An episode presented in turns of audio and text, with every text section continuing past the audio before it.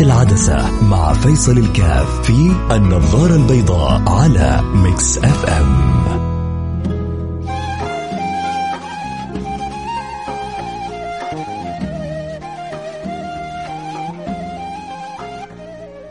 بسم الله الرحمن الرحيم. الحمد لله والصلاة والسلام على رسول الله وعلى آله وصحبه من ولا حياكم الله معايا في برنامج النظارة البيضاء. أنا معكم فيصل كاف اليوم حاتكلم عن حاجة جميلة في الحبيب المصطفى صلى الله عليه وسلم وكل ما فيه جميل.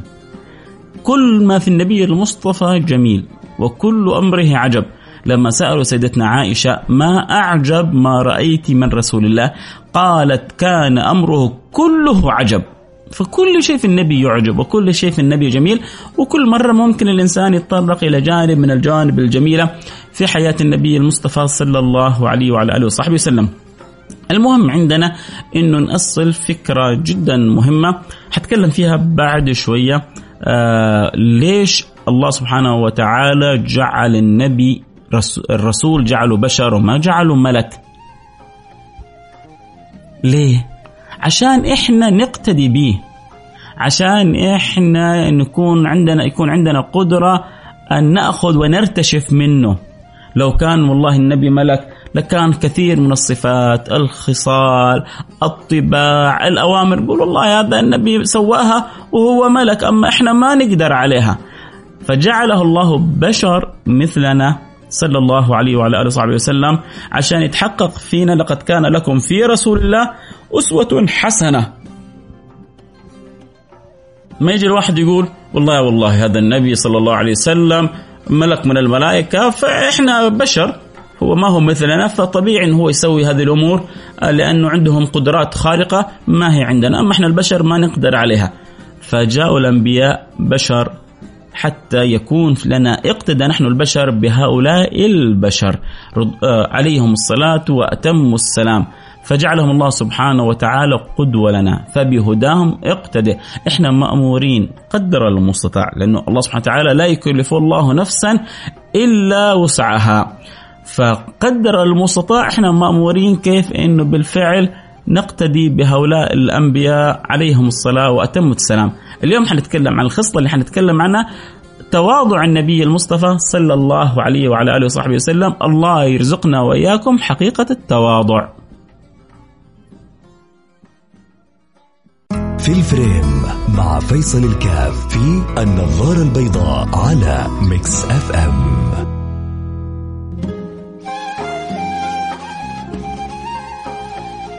حياكم رجعنا لكم بعد الفاصل. ما زلنا متواصلين في حديثنا المهم وإن شئت تقول الأهم لأنه بنتكلم عن سيد الأمم حبيبنا المصطفى صلى الله عليه وعلى آله وصحبه وسلم. في خصلة نتمنى إنه نتعلمها وأحيانا الكلام عنها من غير صورة قدوات يجعل الكلام عنها ضرب من ضروب الخيال. لكن خلونا نشوف كيف الخصلة هذه في سيد السادات حبيبنا المصطفى صلى الله عليه وآله وسلم خير أهل الأرض والسماوات. كيف كان متحلي بها كيف كان متصف بها عشان والله الواحد فينا ما يكبر راسه ولا يعلو على الآخرين. إذا كان هذا سيد الأولين والآخرين كان بهذا التواضع كان بهذا الأدب كان بهذا الخلق. إيش الحجة اللي عندي أو عندك أو عندك حتى نتكبر على الناس حتى نتعالى على الناس حتى يكون فينا غرور على الآخرين. ما يليق بينا؟ وإحنا بنتأمل وبنشوف سيرة سيد المرسلين وكلها تواضع وكلها لين جانب وكلها آه يعني ملاطفة. إيش أقول لكم عن سيرة النبي صلى الله عليه وسلم؟ وما أقول لكم عن أخبار النبي؟ يكفي إنه في أحواله كلها ما عرف الكبر ولا ولو للحظة واحدة. وهو القدوة لنا فعشان كذا نحتاج نتعلم منه ونتربى من هذه السيرة أكثر وأكثر. النبي صلى الله عليه وعلى آله وصحبه وسلم من رغبته في التواضع من من من حقيقة التواضع اللي فيه إنه كان مع شدة الجوع اللي بيمر بها النبي صلى الله عليه وعلى آله وصحبه وسلم عرضت عليه الجبال كلها أن تكون له ذهب. فأبى وأراد أن يشبع يوم فيشكر الله على نعمه ويجوع يوم فيصبر على قضاء الله فيتقلب ما بين نعمتي الشكر والصبر. ولا شك أن هذا مضرب عظيم من من تواضع النبي الكريم حبيبنا محمد صلى الله عليه وعلى آله وسلم. ما قال؟ أنا نبي هذا الزمان. أنا نبي الله. أنا صفة الله في أرضه. ينبغي أن تكون عندي الخيرات حولي من كل مكان. آكل وأشرب وأتنعم. فأنا محبوب رب العالمين. الواحد فينا أحيانا لما يحس إنه محبوب عند غالي عنده كل شيء يريد أن يبرز يبرز دلاله. بأخذ الأشياء والأشياء الثمينة وكلها تكون عنده حوله. صلته برب العالمين صلة أخرى صلة عبد برب. هو يستشعر معنى عبوديته لله والعبودية تجعل الإنسان مجبر على التواضع لما يعيش إنه عبد لله. هو لما تنزع هذه الصفة أو تخف هذه الصفة عند الإنسان تبدأ الصفات السيئة الأخرى تدخل في الإنسان عندما يشعر بال بالأحقية عندما يشعر بالامتلاك عندما يشعر بالأنا أنا خير منه. لما تكون الأنا الأنانية موجودة في الإنسان تقطع منه الصفات هذه.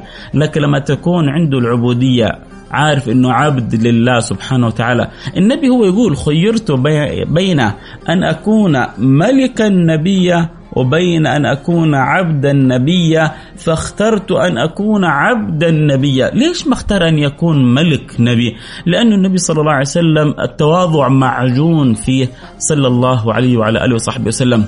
ما هو شيء هو بيتكلفه أو بيحاول يتدرب عليه مع أنه إحنا لربما إذا كانت الصفة ما هي موجودة فينا لازم نعمل بعض الأعمال اللي نكسر فيها أنفسنا عشان نتدرب على التواضع. إنما العلم بالتعلم وإنما الحلم بالتحلم. وكذلك التواضع بكسر النفس. قدر المستطاع أسوي بعض التمارين أسوي بعض التدريبات اللي بتجعلني قدر المستطاع أبدأ أسير في طريق المتواضعين وأقول يا ربي أنت الأدرى بي أنت العارف بحالي من تواضع لله رفعه. اجعلني يا ربي متواضع. أنا الآن جالس بسمع من سيرة النبي ومن أخبار النبي. ما يعينني إن شاء الله على أن أسلك هذا النهج الإلحاح على الله. الرغبة أنك تكون يعني فيك خصلة التواضع والتدرب على ذلك. ليش يحرمك الله؟ الله قادر على أن يجعلك أنت من خيرة المتواضعين لكن يحتاج منا انه إحنا نبرز لله سبحانه وتعالى إنه نبغى نكون متواضعين. عشان كذا أنا في الحلقة هذه أبغى أجيب نماذج من بعض الصور من حياة النبي محمد صلى الله عليه وسلم تبرز كيف هو كان متواضع ويريد أن يشعر الآخرين إني هكذا ينبغي أن يكون العبد هذه هي الحقيقة جاء للنبي أعرابي وكانت في ملامح الخوف. يا ترى النبي صلى الله عليه وسلم ما الذي قاله للأعرابي؟ مباشرة لما رأى انه هذا الرجل في في شيء من الهيبة للنبي صلى الله عليه وسلم ولكنها الهيبة المشوبة بالخوف. النبي صلى الله عليه وسلم أراد أن يهون عليه وإذا بالنبي صلى الله عليه وسلم يقول له تواضعا هون عليك. فإنما أنا ابن امرأة من قريش كانت تأكل القديد يعني اللحم المجفف. ف يعني أنا إنسان بسيط النبي صلى الله عليه وسلم يقول لا تخاف مني. إنما أنا ابن امرأة من قريش كانت تأكل لحم القديد. هذا من تواضع النبي صلى الله عليه وعلى آله وصحبه وسلم. لحم القديد هو اللحم المملوح المجفف في الشمس. فشفتوا كيف النبي بسط الأمر على المقابل له؟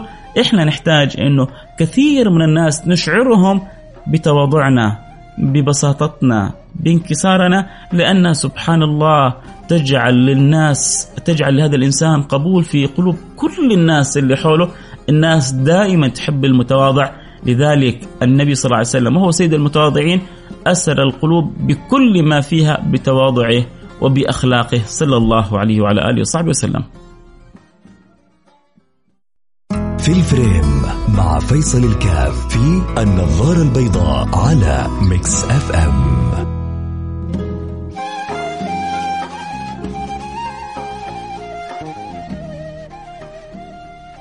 حياكم الله رجعنا لكم. أنا معكم فيصل كاف وما زلنا متواصلين معاكم. اليوم نتكلم عن جوانب من سيرة النبي صلى الله عليه وعلى آله وصحبه وسلم تبرز هو كيف كان متواضع.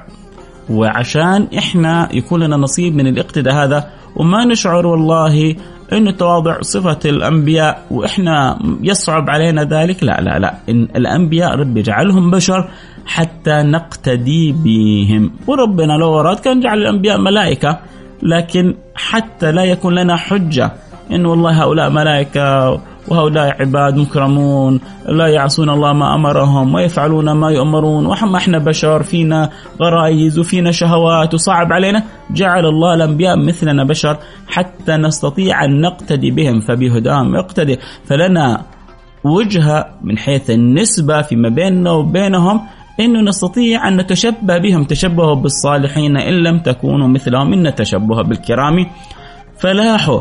النبي صلى الله عليه وسلم ذكرنا كيف إنه كان يتعرض إلى شدة الجوع ومع ذلك لما جات الجبال عرضت عليه أن تكون ذهب أبى.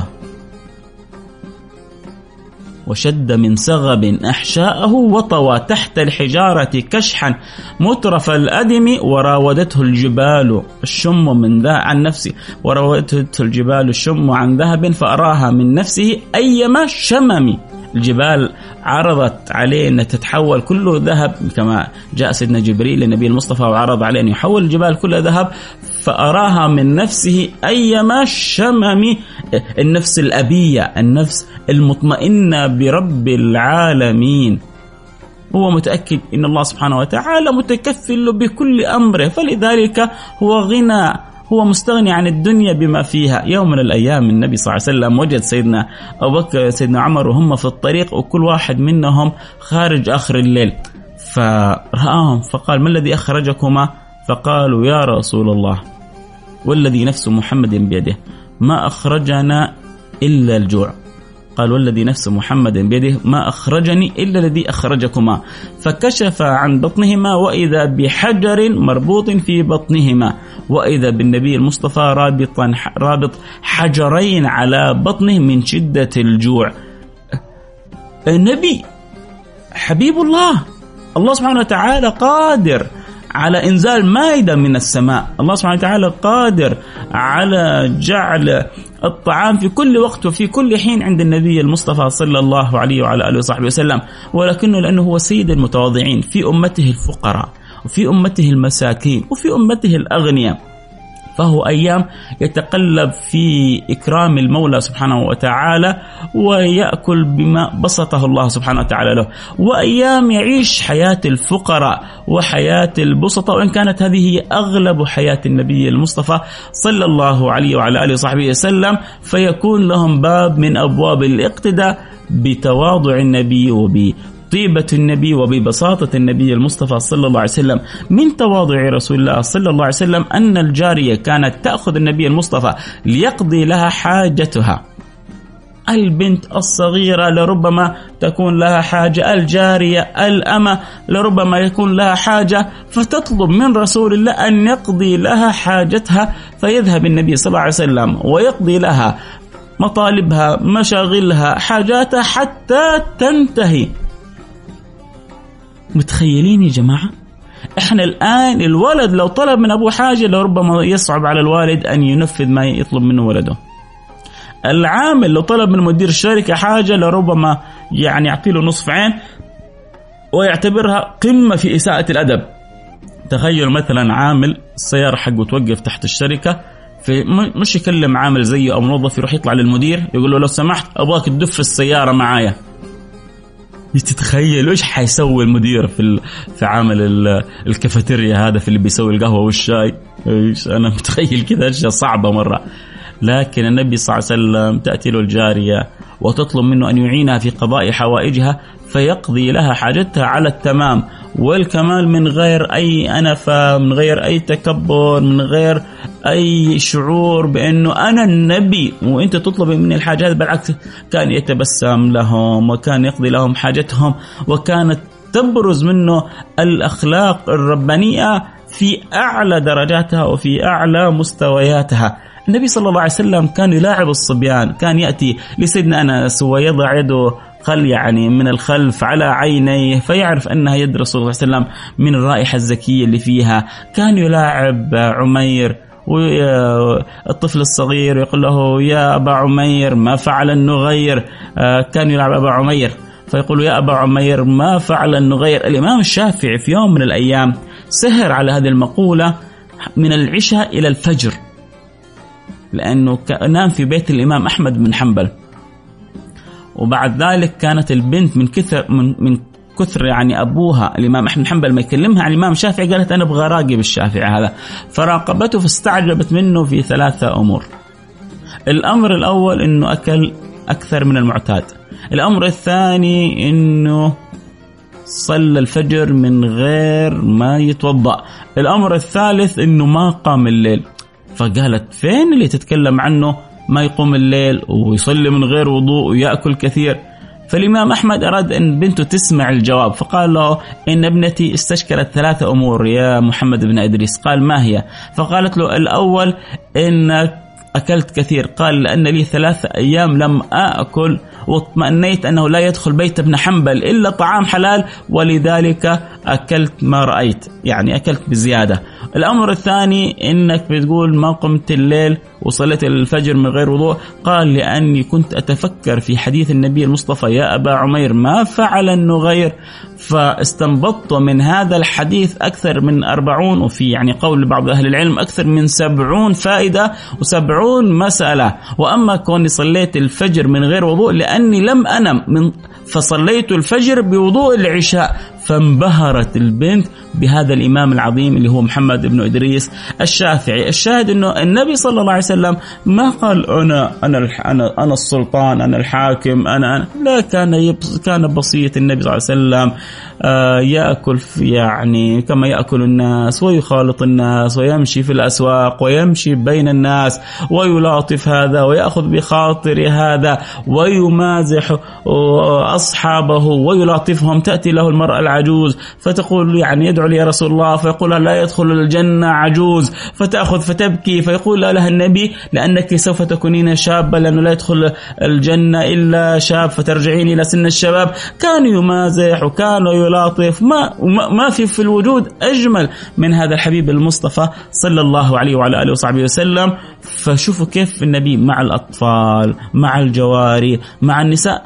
إحنا نحتاج نكون مع اللي حولنا يعني هنا تبرز معنا النبوة أنه أو كيف إحنا نقتدي بالنبي المصطفى صلى الله عليه وعلى آله وصحبه وسلم في سائر شؤون حياتنا حتى في بيوتنا حتى مع نسائنا.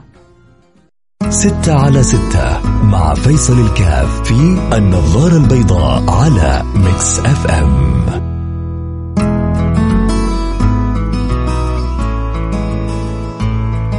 حياكم الله رجعنا لكم أحبتي والكلام ممتع وجميل لأنه بتكلم عن خصلة جدا مهمة عن جانب مضيء كل جوانب النبي مضيئة، يعني مضيء لنا إحنا في الاستفادة والارتشاف منه. لما نتأمل أكثر وأكثر في جانب مهم من سيرة النبي صلى الله عليه وسلم وهو من أهم الجوانب لأنه بيحقق عندنا الكمال في الصفات العبودية اللي ينبغي أنه نتحلى بها إحنا ألا وهي التواضع. وذكرنا كيف النبي صلى الله عليه وسلم قلنا كان متواضع مع نسائه وكان متواضع حتى في بيته. نساء أحيانا بيتعاملوا مع النبي بطريقة فيها الشيء من الصعوبة. يعني يخرج النبي من بيته فتغلق أحد النساء بيتها تظن راح عند المرأة الأخرى عند ضرتها أو عند يعني الزوجة الأخرى. ثم بعد ذلك يقول لها النبي إنما خرجت لقضاء الحاجة فتفتح للنبي صلى الله عليه وسلم ما كان ينزعج ولا كان يتضايق. لربما الواحد منا لو زوجته تعاملت معه لو سكرت الباب بس عليه لربما قام الدنيا ولم يقعدها. أه سيدتنا عائشة يوم من الأيام آه، أهديت من أحدى نساء النبي الأخريات طبق فكسرت الطبق هذا.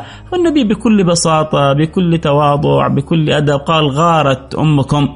وقال لها أرسلي طبق آخر بدل الطبق الذي كسرتيه. يا جماعة والله النبي صلى الله عليه وسلم بيتعامل ويجعلك تحتار من شدة أدبه من شدة بساطته من شدة سكونه من جمال أخلاقه. ما أعظم تواضع هذا النبي المصطفى وما أهم إنه إحنا نقتدي بهذا التواضع. النبي حتى في بيته كان أشد ما يكون في حاجة أهله كان يرقع ثوبه ويخصف نعله صلى الله عليه وعلى آله وصحبه وسلم. بيقوم بأدواره في البيت من غير تكبر الواحد فينا الآن لربما كاسة موية ما يجيبها. يا فلانة يا سمياطي يا خدامة يا سواق أشياء بسيطة ما يقوم بها يستحي أن يساعد سائقه يستحي أن يقوم بخدمة أهله أو خدمة حتى أولاده في البيت. مع أن النبي صلى الله عليه وسلم وهو أعظم إنسان ما رأى أن هذه الأشياء تنقص من من منزلته حاشا وكلا بل هي تزيد في المنزلة. شوفوا إحنا كيف ما زلنا نتغنى بها. ألم تزد هذه الأخلاقيات من قيمة النبي صلى الله عليه وسلم في نفوسنا؟ ألم تزد هذه الأخلاقيات من عظمة النبي صلى الله عليه وسلم في عقولنا؟ طب ليش إحنا دائما نتغنى بتواضع النبي ونستشهد بتواضع النبي ونشوف إنه قد إيش تواضع النبي جعل قيمته طبعا قيمته هي أعلى قيمة عندنا في الخلق لا شك ولكن هذه طبعا الصفات تجعل القيمة تزداد وتزداد وتعلو وتعلو. طيب ليش إحنا تنظيريا بنقول كذا؟ لكن لما نجي في أنفسنا نشوف لا والله إنه هذه الصفات ربما تضعف صفتنا أو تضعف هيبتنا لا. حتخلينا إحنا أعظم وأعظم في نفوس الناس وحتخلينا أقرب وأقرب لنفوس الناس. والأهم عندنا إنه كيف نكون أقرب وأقرب عند رب الناس لأنه ربنا يحب الصفة هذه فينا. فالنبي صلى الله عليه وسلم كانت متأصلة فيه في تعامله مع زوجاته في تعامله مع نسائه في تعامله في بيته. يا رب يحول هذا الحال عندنا من جانب تنظيري إلى جانب عملي فينا. يكون حقيقة فينا. النبي ما كان يحب أحد يمدحه ولا كان يحب أحد يطريه. كان يقول لا تطروني كما أطرت النصارى آه، عيسى ابن مريم. الآن سبحان الله غاية غاية في التواضع وإحنا محتاجين إن نتعلم هذا التواضع من الحبيب المصطفى صلى الله عليه وعلى آله وصحبه وسلم. ما أحوج مجتمعاتنا إلى أن تأخذ هذه السيرة العطرة وتدرسها بكل ما فيها جوانب كثيرة مهمة في حياتنا. مشا أنا أنا عن نفسي أعتبر أن حل ما تمر به الأمة من مشاكل حله كله في السيرة النبوية. متى ما تشربنا السيرة النبوية وعشناها وذقنا حلاوتها وترسخت فينا تأكدوا أنه كثير من مشاكل الأمة حتنحل بحسن تمعننا وإدراكنا وتعلمنا وانتشار معاني السيرة النبوية فينا. أسأل الله سبحانه وتعالى وإحنا على عجالة مرينا على جانب نعتبره جانب جدا مهم في سيرة حياة النبي المصطفى إنه يجعلنا متواضعين ويجعلنا لله آه، خاضعين واجعلنا مع المؤمنين متأدبين. اللهم آمين يا رب العالمين وصلى الله وسلم على سيدنا حبيبنا محمد وعلى آله وصحبه أجمعين والحمد لله رب العالمين.